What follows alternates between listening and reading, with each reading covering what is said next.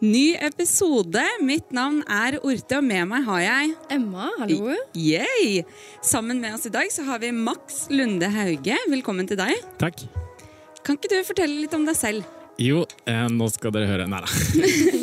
eh, nå for tiden så går jeg på NTNU. Eh, jeg, tar en, jeg har gjort ferdig en bachelorgrad i matematikk, og så skal jeg nå begynne på master i matematikk. Nå til høsten. Så det blir ganske spennende. Og hva gjør du ellers? I livet, da står jeg ganske mye på ski. Veldig glad i å stå på randonee. Det er kanskje min store passion. Så det å liksom dra ut på fire dagers telttur og stå på ski, det er, det er ganske nice. Og generelt bare det å være ute, ute i naturen og ganske bra avveksling. Sånn, men det er jo ikke alltid like lett å dra på tur i en travel dag så da går det veldig mye i klatring og buldring og Veldig glad til å bli med på ting. Altså hvis noen spør sånn Halla, har du lyst til å bli med på dette eller dette, eller dette, så er det veldig lav terskel for å si ja. så det skjer ganske mye, da. Eller det ender opp med å skje ganske mye, da. Og Så nice. har sikkert noen av våre lyttere sett deg før. Det har de sikkert. Jeg har laget litt videoer. Ja. Det er ganske gøy. Um, så nei, hvis dere har sett, ta og kommenter eh, favorittvideo. Det kan være lurt. Du jobber jo i LearnLink. Mm. Hva gjør du i LearnLink? Eh, litt forskjellig. Jeg lager jo videoer eh, på, på Facebook. Eh, og så driver jeg også og underviser eh, barn i hovedsakelig matematikk. Jeg har også hatt noen i fysikk og engelsk og litt sånn. Eh, og så har jeg i tillegg nå kodekurs eh, denne sommeren. Og nå til høsten. Så kanskje jeg får noen av barna deres på kodekurs.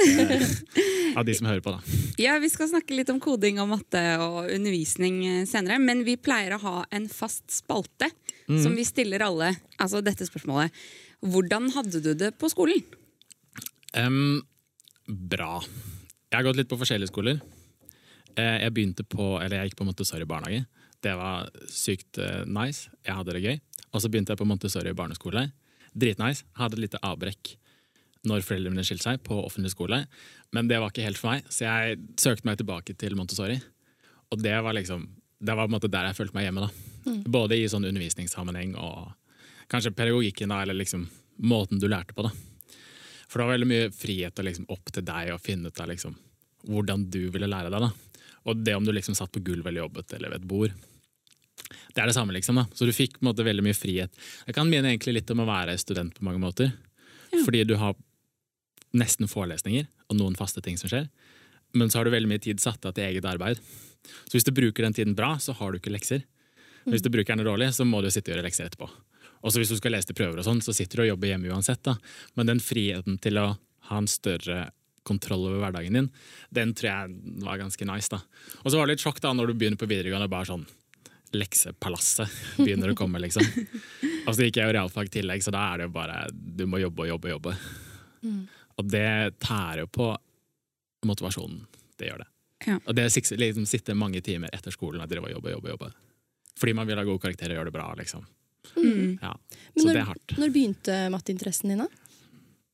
Jeg tror jeg, Det nådde en liten sånn knekk på ungdomsskolen fordi jeg fikk en dårlig mattekarakter. Og så bare bestemte meg for jeg skal ha seks i matte. Uh, og det klarte jeg. Så om det liksom begynte Jeg har jo alltid syntes matte har vært gøy. liksom Og tatt, tatt det ikke lett. Det jo- det, du må liksom jobbe med det for å, for å bli god. da Uh, Og noen lærer tregere enn andre. Og man må liksom finne ut av liksom hvordan man lærer best selv. Så jeg tror, Men det var sånn den mentale innstillingen begynte jo der. da Uh, og på videregående så gikk det litt sånn opp og ned eh, med, med matematikken. Begynte veldig bra, gikk litt dårligere. Begynte på universitetet igjen, gikk dritbra igjen. Eh, og jeg begynte å studere fysikk. Oi. eh, og så da var Det jo sånn, det gikk jo bedre i matematikken enn i fysikken. Ja. Så du byttet? Eh, nei, jeg fullførte.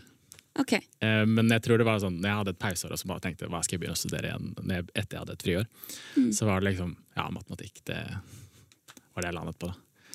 Så det er litt sånn, Jeg tror det har ligget der på en måte hele tiden, men eh, Så det er sånn Hva skal man si? Eh, det er som Jeg sier da, jeg har et hat-elsk-forhold til det. Det er veldig gøy å jobbe med det, og når du får til ting og du har jobbet lenge med det, bare det klikker og det løser seg, den følelsen der, den er ganske nice. Men så er det de gangene du sitter og liksom river deg i hodet og skjønner ingenting. Og så går du og snakker med foreleseren din og han, eller veilederen din, og han gir deg tilbakemelding. bare sånn, dette feil, dette feil, dette feil, dette feil. Og så blir du litt broken down og bare sånn 'jeg kan ingenting'. og så går man og setter seg ned, jobber litt, kriger litt. og det er litt sånn, ja. Men samtidig da, så digger man det såpass mye at man bare klarer å dra seg gjennom det. da. Så liksom Ja, jeg tror det er det der utfordringen da, som gjør at man liksom hele tiden Ja, Det høres ut som man trenger en del pågangsmot da, for Ja. å kunne fortsette videre For fortsette. og kunne motivere seg selv, kanskje. Ja, men det er jo fort gjort da, liksom, når du blir knekt, da, liksom, fordi man får tilbake en prøve eller tilbakemelding på liksom, dette kan du ikke. Og i matte så er det ganske tydelig liksom, når du kan noe eller kan ikke noe, eller får feil svar, så er det ganske sånn du kan det ikke. Men det å liksom ta og snu det om til liksom OK, fikk jeg et veldig bra liksom, tilbakemelding på hvordan du gjør det, skal gjøre det egentlig, og så tar du med det videre og på en måte bygger deg selv sterkere mm. av alle disse tilbakemeldingene. Så når jeg skrev bachelor, så jeg tok og liksom jeg lagde en liten poster med alle tilbakemeldingene. Og noen av de er liksom ganske harsh, eller ganske, det er ganske direkte, da. Men det er sånn på en måte minne seg på liksom sånn, ja Du var ikke flink når du begynte, liksom. Du, du skrev ganske dritt, men det ble jo et eh, bra resultat, liksom. Hva er det hardeste du har fått, da? Hardeste tilbakemeldingen. Ja. Um, skal vi se her. Nå må jeg se om jeg husker det. Uh, This is totally wrong in any possible way. Ja. Det er liksom ja, den er eh, kjip. Den er ganske kjip å få. Liksom, det, det er helt feil, liksom. Du er ikke inne på det engang. Og så må man, Det er ikke noe sånn her er det riktige svaret. Det er sånn OK, dette var helt feil. Nå må jeg finne ut hva som er liksom, det riktige. da. Og det er litt sånn irriterende også, for du ender med å bruke liksom så Det tar tid, da. Det er det liksom man erger seg litt over, fordi det er ikke noe lett, det er ikke noe snarveier Nei. i matematikken. Og selv om når du får en sånn tilbakemelding da, som er ganske harsh og direkte, og så skal du prøve også Fader, nå må jeg sitte og bruke liksom, et par timer på å finne ut av hva som er det riktige svaret på denne lille fliken, liksom. Så blir man litt sånn frustrert og oppgitt. Og, ja.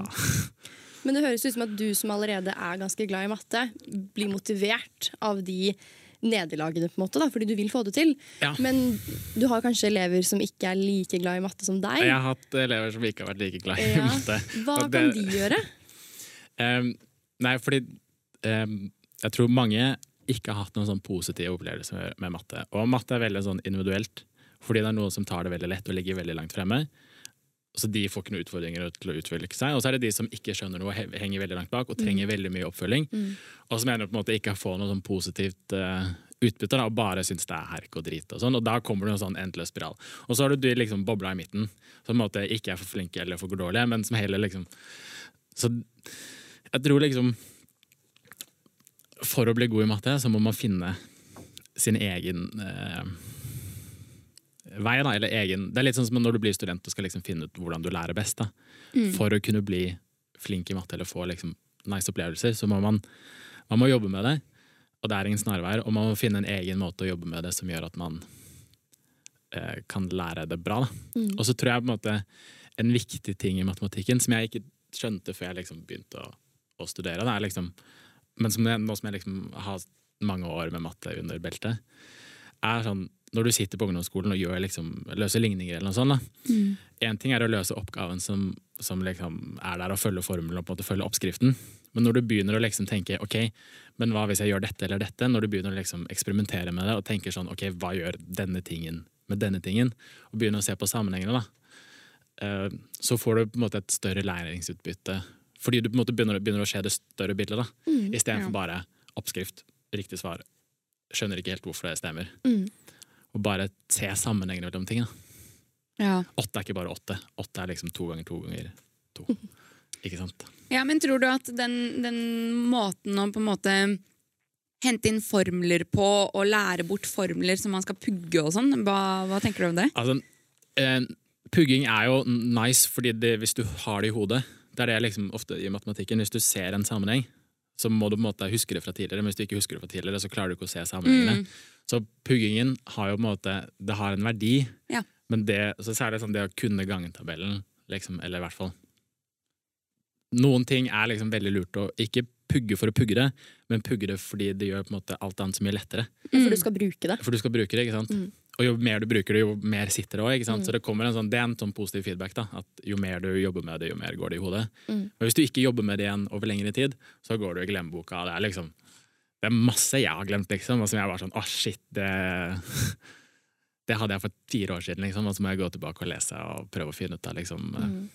hva som er eh, det riktige, eller finne ut av det på nytt. Mm. Men det går mye fortere da når du gjør det for andre gang, og tredje gang og fjerde gang. Men har du noen knep, liksom konkrete eh, tips eller ting du gjør med elevene dine for å finne liksom, deres måte å gjøre det på? Eh, vi tar ofte liksom sånn eh, Det jeg ofte begynner med, da, er det liksom eh, Hvis jeg har ungdomsskoleelever eller noe sånt, det er hovedsakelig de jeg har hatt flest av, så er det sånn Ta frem en eksamensoppgave for å bare vise dem sånn OK, dette er det du får om én, to, tre år, ikke sant? Både for å vise dem at liksom, oppgaven er ikke liksom, dritvanskelig, og liksom, alt sånt, for å på en måte senke liksom, dette er det du skal gjennom. Ser du, dette klarer du allerede, liksom. Du er jo på god vei.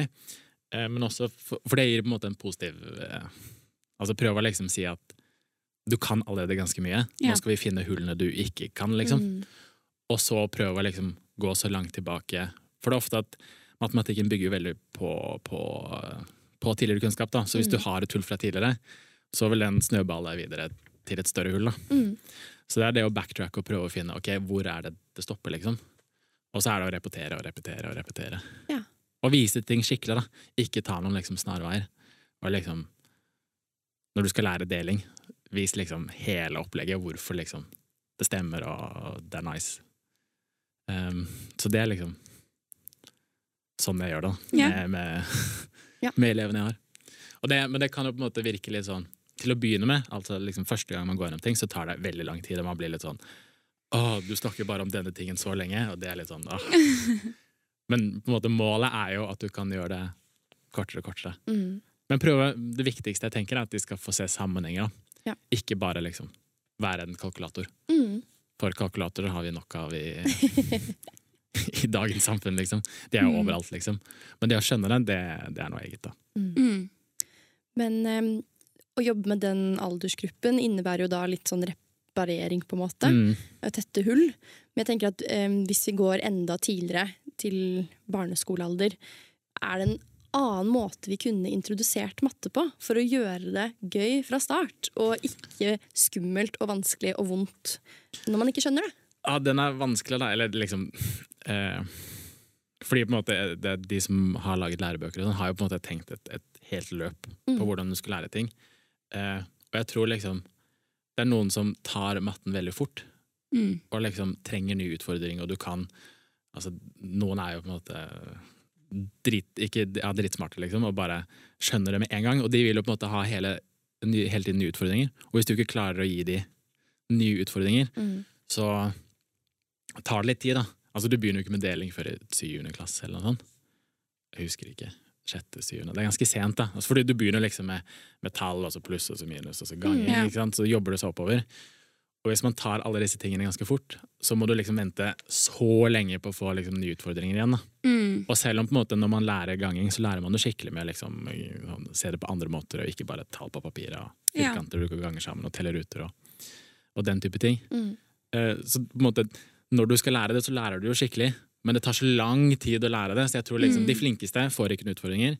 Og de som ikke skjønner noe, får på en måte ikke nok tid til å liksom jobbe med det selv. Ja, og den mestringsfølelsen og, ja, sikkert og så det liksom, blir det en sånn rar eh, vakuum av liksom flinke, dårlige og Ja, Mm. eller de som føler seg dårlige, da. Ja. Er, Men, men tror du at koding kan være en løsning på det?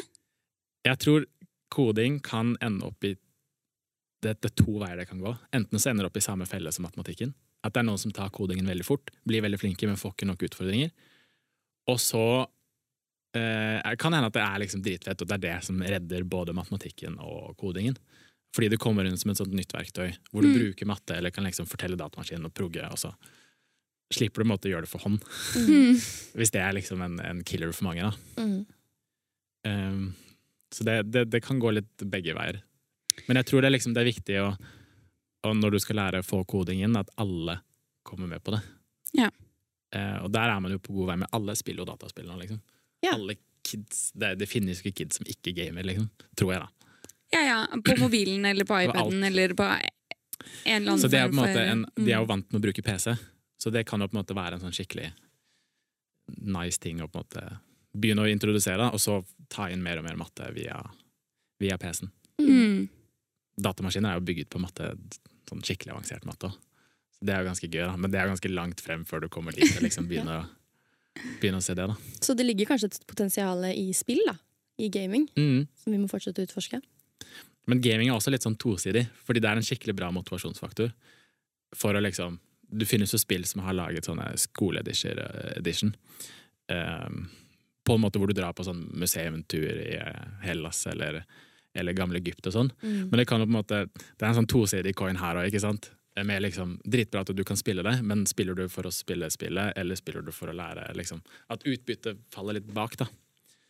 Um, så det er litt sånn, man må passe på liksom Det er jo en sånn knivegg eh, både med matematikk, programmering og spill og alt sånt. Det er Mm. dritbra, men det kan også liksom Det kan vendes begge veier. Og det er liksom, jeg tror det er litt sånn med tilpassing til hvem man er òg, som Mm. skole og hvordan man lærer òg. At noen syns den måten å lære på er dritnice og passer skikkelig bra. Så er det andre hvor det å spille dataspill for å lære ikke liksom er Mm. kanskje rett veien å gå. At man må ha en annen approach for at du skal Mm. lære kunnskapen. Mm. Og så er det noen ting da, som språk er jo Det må du bruke for å bli flink. Og det å bruke det i spill ja, Det var jo sånn jeg ble flink i engelsk, var jo å spille Minecraft og chatte med folk på, på Teamspeak, som det heter. Ikke Discord nå. Eh, Og liksom gikk fra tre til seks i engelsk fordi jeg spilte Minecraft. Ja. og chatta, liksom. Så det er jo, og jeg tror det er liksom mange sånne historier der ute med, med barn som er dritgode i engelsk da, og skjønner mye engelsk fordi man ser på YouTube, man, man snakker Mm. med folk over nett og, og chatter. Og, ja. Men det er jo Mm. fordi man bruker språket hele tiden, og da kommer det jo en sånn dritnice læringsgrupp. Ja, jeg tenker at som du sier, så er jo lærebokene utformet sånn de er av en grunn, og det er Mm. meningen at man skal følge et løp. Men eh, selv var jeg utrolig frustrert med matematikk på barneskolen, ungdomsskolen, egentlig helt til tredje klasse videregående, da det begynte å bli litt morsom i, i S2, som Mm. var veldig sent.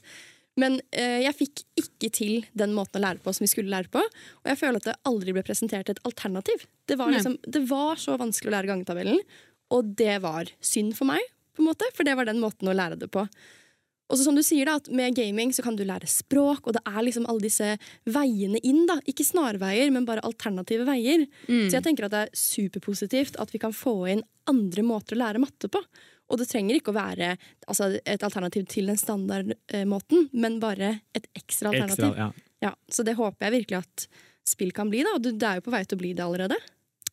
Ja, og det som er på en måte hovedfellesnevneren for programmering og matte, eh, i hvert fall sånn jeg ser det, er at du har et stort problem, og så skal du løse det opp i mange deler. Løse hver og en av de Mm. og sette det sammen igjen. ikke sant? Det er jo Det er det der. Det høres jo veldig gøy ut. Mm. Utgangspunktet er på en måte morsomt. Ja, Så hvis man kan legge på et lite lag med spill rundt, Rundt, hele den biten, da, Mm. så tror jeg at vi er i mål. Ja. I hvert fall som en start. Vi snakker jo mye i Code and Go om det å tenne den første gnisten. Få de interessert, og så etter hvert så er de inni det. Så man må bare få snøballen til å rulle og rulle, Ja. rulle, og gi Ja. de hele tiden nye utfordringer. Ja. Ja. Det er kanskje lettere å skalere i et, i et spill enn i en vanlig lærebok. Mm. Mm. Ja, og jeg tror det er derfor det finnes mange Eller det har begynt å komme mange private aktører som tilbyr et program, litt som oss, da, som tilbyr et program som ikke går på nødvendigvis alder, men nivå. Og, og at man kan tilpasse det. Ok, dette er det første nivået, uavhengig om det er åtte eller tolv. Dette får du til, og så får vi se etter hvert, på en måte. Men det er jo sånn, Når vi driver og kurser nå på sommerskolen, og sånn, vi ser jo det er veldig forskjellig fra uke til uke hvordan hele gjengen er. Så på en måte selv om vi har et, en kursplan, så må vi tilpasse det til, til ehm, gjengen som er der. da. Men Mm. alle skal på en måte til syvende og sist komme dit, men veien dit kan bli litt annerledes fra Ja. uke til uke. da. Mm. Og du gjør ting litt forskjellig fra uke til uke. Eh, og det er jo en frihet man ikke har når man skal følge læreplaner og liksom Ja. strikte mål. Mm. Eh, Ja, for sånn som vi har eh, prøvd å sette det opp, er at eh, altså, rammen er dette. I løpet av den uken så skal du komme dit. Men hvordan, som du sier da, hvordan du kommer Mm. deg dit, er litt opp til hver kursholder. Og så har vi jo fleksibilitet til at liksom, vi kan bruke den dagen som egentlig var ment for dette, til å lage egne spill, til å heller gå gjennom ting enda og takke, og så kan vi bruke siste dagen på liksom, litt mer frihet og gjøre ting selv. Mm. Og det er en sånn tidsfleksibilitet som er sykt nice å ha. da. Fordi noe, man kan liksom ta den tiden det tar for å få alle dit. Mm. Mm. Og noen ganger så er man det på onsdag, liksom, og andre ganger så er man i mål på fredag. Mm. Ja. Men alle har liksom nådd Selv om de kanskje ikke har fått så mye tid til å liksom lage egne ting, så har alle liksom lært det viktige grunn, grunnkonseptet. Mm. Mm. Det er nice. Nå er vi jo på et punkt der koding fortsatt er ganske nytt i skolen, så vi har muligheten til å gi det et godt rykte og gjøre det spennende. Men matte har jo allerede fått et dårlig rykte, og er noe veldig mange i forskjellige generasjoner syns er pyton. Ja. Um, Men jeg tenker at det er viktig at vi ikke viderefører de holdningene.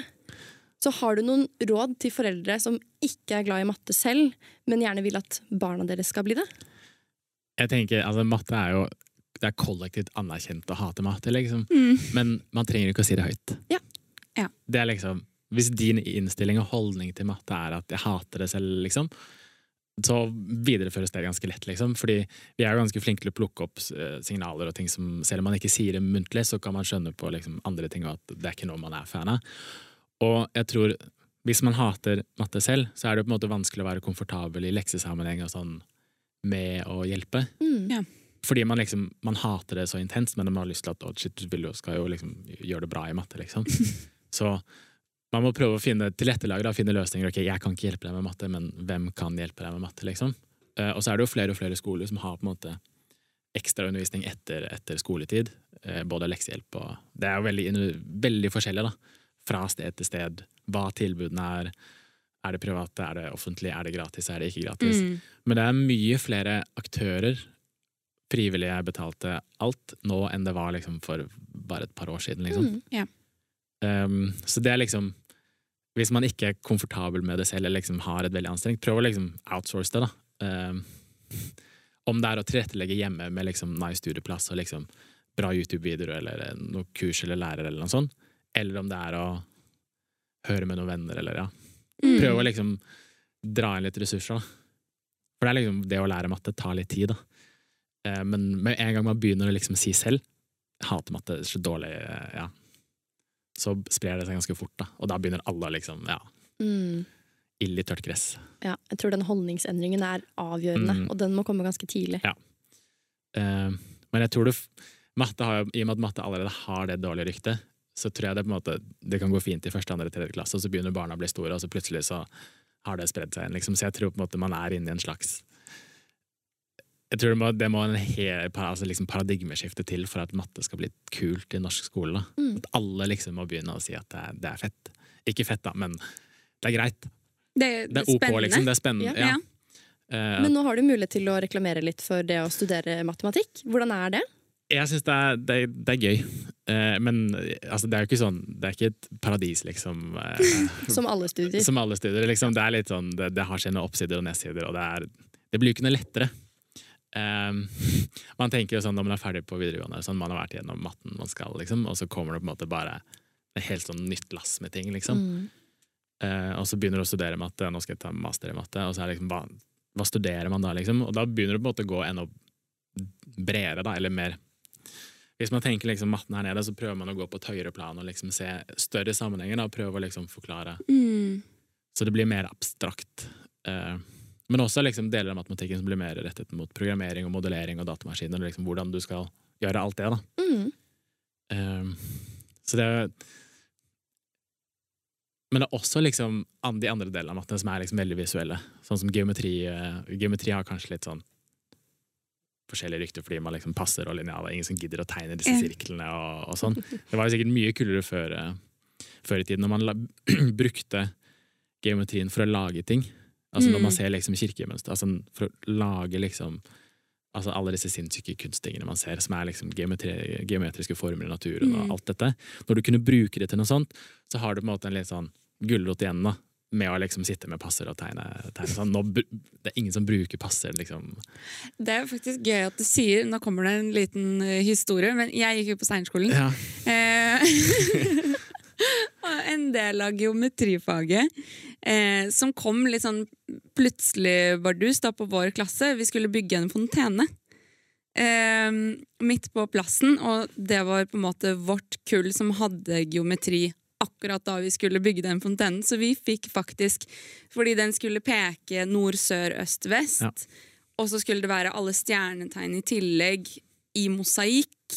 Eh, Så du måtte liksom regne ganske mye samtidig som vi skulle støpe den. Og bygge, og, ja, ja. ikke sant? Så det var faktisk første gang jeg fikk øynene litt opp for geometri. da. Mm. Eh, fordi det var, som du sier, bare å tegne disse strekene, og den er litt utenfor den firkanten, så hvordan regner jeg ut Åh, det var helt grusomt.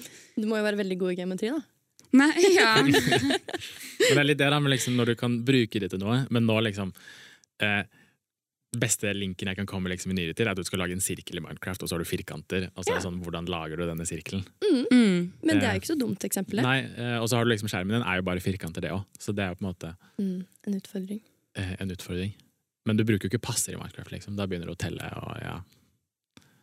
Ja. Um, så nei, det er litt sånn Mm. Men så er det en sånn liten skjult ting som ikke mange vet om. Det er noe som heter topologi og sånn. Og da begynner man å se på former og hva som er likt av liksom, forskjellig Bare ved å se på, liksom. Ok, den bokhyllen har ett hull. Vi har ett hull gjennom oss. En kaffekopp. Har du, hull, har du hank på kaffekoppen din? Nei. Men liksom hvordan man kan Du, du tar bare et objekt, og så kan du drive og skvise og strekke og presse det sammen. Og prøve å se Transformerer du om til andre objekter da, og ser liksom hva som er likt i den type sammenhenger. Da. Så da begynner du liksom se på ting som er ett hull, to hull og tre hull. Og det, er liksom, det er noe som heter uh, mathematical pants. Som er liksom folk som har bare jobbet der med å se på bukser, og liksom hull på bukser. Og, ja. Det høres jo dritrart ut, da, men det er, en sånn, det er også matte. da. Det er en Ja. litt annen type matte, men du får ikke liksom det på, på barneskolen. Da. Men det er sånn veldig visuelt og liksom kult å drive og se. da. Mm. Mm, og det høres mye mer filosofisk ut enn det å regne ut hva x og y er. på en måte. Det er litt mindre konkret og mer ja, som du sier, da, abstrakt. Men det er liksom, når du skal begynne å liksom gjøre matematikken bak det, og Ja. liksom på papir, og sånn, da Mm. blir det ganske abstrakt fort. Mm. Men det å liksom se det for seg, og liksom se det visuelt, det klarer de fleste liksom å, Mm. å skille. da. Så det er jo en sånn den hva holdt jeg på å si, running joken, eller er jo at en, en kaffekopp og en donut er liksom samme tingen. da. Ja, Eh, har man sikkert sett. Eh, fordi begge har et hull. Mm. Så det, Jeg tror vi skal ta med oss at vi blir ikke kvitt matte og tall eh, etter grunnskolen. Eh, og som du sa, at sånn, åh, nå er jeg ferdig på videregående, jeg skal studere samfunnsfag, så da trenger jeg ikke å tenke på matte mer. Men der er det statistikk. yes! Der er det mye tall. Det er mye tall i psykologistudiet også, Overalt. så vi skal ha det med oss hele veien. Så det å starte tidlig med gode holdninger til matte er lønner seg. Viktig, Ja. tror jeg. Ja, og se på det som noe som er spennende istedenfor noe som er 'å, jeg får det ikke til'. Mm. Um, og prøve å oppfostre den derre den utforskningen, da, kanskje. Ja, og også den her altså, Det er litt den inn, innse liksom at du lærer ting på et forskjellig hastighetstempo. Og det var en ganske kjent eh, nobelprisvinner i fysikk, Kip Thorne. Og Han sa jo liksom sånn Han var en sykt treg lærer til å lære selv, men han sånn på en måte sin egen vei til å lære ting på. da Og har klart å liksom få nobelpris, liksom. Selv om han ikke var den kjappeste til å ta ting med en gang. da Eh, Så på Instagram bare helt eh, randomly, bare sånn i feeden. En liten sånn fin quote og historie Ja. fra han. Så det liksom Alle har Noen har liksom ikke evner, da, men alle kan Mm. bli flinke i matematikk. Det er ikke noe liksom Mm. Noen har kanskje bedre utgangspunkt, eller eh, alle stiller litt forskjellig til start. Men hvis man legger ned innsatsen og tid Mm. Det er det som kanskje er liksom den kjipeste tingen, er at det tar tid å lære ting Ja. eh, bra. da. Og det er, liksom, det er veldig mange andre distraksjoner, i hvert fall i vår hverdag, og alt skal ta opp tiden, ikke sant? Og så skal man få tid til å liksom lære noe skikkelig og, og skjønne det. da. Mm. Det er litt sånn konflikt. Spille dataspill, kjempegøy. Sitte og gjøre matte, ikke like gøy, liksom. Mm. Kanskje det kan bli samme Kanskje det kan bli samme ting. Ja. Nei, men vi har jo snakket tidligere med Jørgen Smedsrud om dette med læringspotensialet. Og da Mm. snakket vi om spesifikt barn som har et stort læringspotensial. Men grunnlaget er jo at alle har et læringspotensial. Og som du sier, så tar det tid og mye energi og pågangsmot. Men også det at vi må gi de en plattform da, og eh, et sted å starte. Og et sted å bygge og bli bedre. Og det er jo på skolen. Ikke sant? Og skolen i seg selv, altså nå begynner jeg å rante, men skolen i seg selv har et dårlig rykte. Mm. Eh, det er ikke noe gøy å gå på skolen for de aller, aller fleste. Og, og det er jo et problem. Et det er veldig stort det et. Det er jo kjemperart, da, fordi hvis du møter en femåring eller seksåring og liksom, De er jo kjempenysgjerrige. Altså, som barn, liksom, Ja. Måten du, du utvikler det på, er jo bare ved å være- være nysgjerrig og stille liksom, alle disse 10 000 spørsmålene. Liksom. Og det å liksom ikke strupe den utforskelseslysten, da. Eller når man begynner på skolen, så går, går det ikke lang tid da før man liksom blir mindre og mindre engasjert og liksom Mm. spiller dataspill. og- Men nesten ja. alle gleder seg til å begynne på Ikke skolen. sant? Det er litt sånn, Alle er kjempegira på liksom, å, jeg skal lære å lese, og, og sånn, og så begynner man, og så er det et eller annet uh... mm. Ja, Så vi har, det er en sånn kraft der som vi kan utvinne og strekke ut enda lenger. Mm. Men vi har kanskje bare ikke funnet helt riktig måte ennå.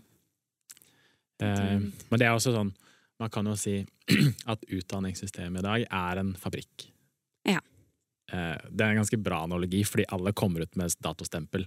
2016, 2017, 2018, 2019. Alle har en sånn produksjonsdato fra, fra skolen. Enten du vil eller ikke. Så på en måte når har man begynt å liksom lage dagens utdanningssystem, er jo liksom på tidlig industriell revolusjon. Ja. Liksom. Da har man begynt å liksom bygge fabrikker, og liksom alt skulle på samlebånd. og sånn er jo litt utdanningssystemet i dag òg. Det er jo samlebåndsproduksjon av, uh, av alt. Det eneste som er fordi, Ja, helt Det er jo klart. på en måte Men, en veldig men hvordan skal man finne den nye Den- ja. utdanningsmodellen, da? Mm. Og det er jo kjempevanskelig. Det er ingen som har en, en, en fasitsvar på det. Nei. Um, det er en ganske kjent Eller det er to kjente matematikere som på eh, sånn slutten av, eller starten av 1900-tallet De hadde på en måte startet sine egne skoler. Han ene var ganske strikt og liksom hadde sånn superstrenge regler hvor du brukte spanskrør og liksom straff eh, som, som for det å ha kontroll på ungene. Og så hadde du han andre som på en måte hadde mye friere skole, og barna skulle lære eget tempo. bare. Og da gikk det jo helt over seg, fordi ingen hørte på hva han sa. liksom. Så, men på den andre så ble man på en måte, det var så mye andre problemer som fulgte med liksom, det å drive og slå, slå barn på skolen. Det, det er liksom Det er jo helt ekstreme mener, da, men, men det å på en måte prøve å finne noe Det er kjempevanskelig. Jeg tror det er ingen som har noe fasitsvar, og det er noe som kan forandre seg liksom, fra én tid til en annen tid. Og, Ja. Mm. Nei, det er, det er ikke lett. Nei. Og så er det det å liksom innføre det til Det er ganske mange barn som går på skole, det er ganske mange lærere, det er ganske stort system rundt, og det å liksom gjøre helomveltninger på disse systemene, det er ikke liksom verdens letteste ting. Og så kan man jo si at kunnskapen har jo aldri vært lettere tilgjengelig enn det den er i dag. Det er liksom bare Hei, Siri, eller eh, et eller annet et Google-søk unna, ikke sant? Men likevel da, så er vi liksom så Alt jeg på å si, ikke liksom nysgjerrig, da, men bare Hadde jeg et Google-søk unna, gidder ikke å huske eller lese om det. liksom. det Mm. Selv om kunnskapen har liksom aldri vært så nærmere, Mm. men likevel så klarer vi ikke å tenne gnisten, da. Eller Ja. Mm. opprettholde gnisten, er kanskje riktigere å si. da. Mm. Men eh, Max, hva har du lyst til å gjøre når du er ferdig å studere? Ah, det er et vanskelig spørsmål. men det er, det er kanskje eh, hovedgrunnen til at jeg begynte å studere matematikk, eh, og for så vidt fysikk, og når jeg tenker meg om, er liksom at du blir liksom ikke én ting. Du kan jobbe med veldig mye forskjellig. Så matematikk er på en måte en utsettelse av valget om hva jeg egentlig har lyst til å jobbe med. Fordi du studerer det mest generelle, og om du ender opp i finans eller i læreryrket eller liksom statistikk, eh, forsikring, liksom ingeniør, forsker liksom. Det er veldig mange veier å gå etterpå, og hvis man tenker liksom ok, hvor er det det trengs matematikere i, i dagens samfunn, så er egentlig det alle, alle steder. Mm. Så det er jo Jeg har ikke noe klart, eh, klart svar til det. det er liksom, jeg er en potet, så det, det er liksom, du kan vinkle det veldig mye. da. Og kanskje det flinkeste du blir til som matematiker, er ikke nødvendigvis å regne, men det er det å tenke på vanskelige ting. og liksom, Du er en problemløser, ikke sant? du har en oppgave eller en case, eller noe sånt, og sånn, ok, hvordan skal jeg angripe denne tingen, eller vise at dette stemmer, eller liksom Den måten å lære på å jobbe med ting, og liksom, det er det som måte er ditt sterkeste verktøy. da. Mm. Den, den kofferten, den verktøykofferten du har med deg rundt. Så du har blitt god til å ta avgjørelser, da, med andre? Um, eller utsette til å ta avgjørelser, da. Men liksom det å løse ting, det, det blir man ganske flink på. Ja. Så bra. Jeg føler at uh, vi har hatt uh, noen uh, fine tanker og fått noen veldig gode svar. Takk for at du kom. Takk for å komme på podkasten. Det er litt gøy å liksom Nå har dere sett meg så mye på video, nå kan jeg drive og snakke om liksom Ja. det jeg jobber med til vanlig, eller liksom min store passion. da. Ja, nettopp. Så må jo også, Det er litt sånn jeg hater det, men elsker det, men syns det er gøy. Ja, det er, det er gøy, da. Det er ikke bare én ting. på Det er ikke bare én ting. Du kan bli veldig mye annet Ja. som er nice. nice. Takk. Takk for nå. Har du spørsmål, tanker, ris, ros, ta kontakt på podkast at learnings.no. Barna bare gamer er produsert av Kubriks for Learning.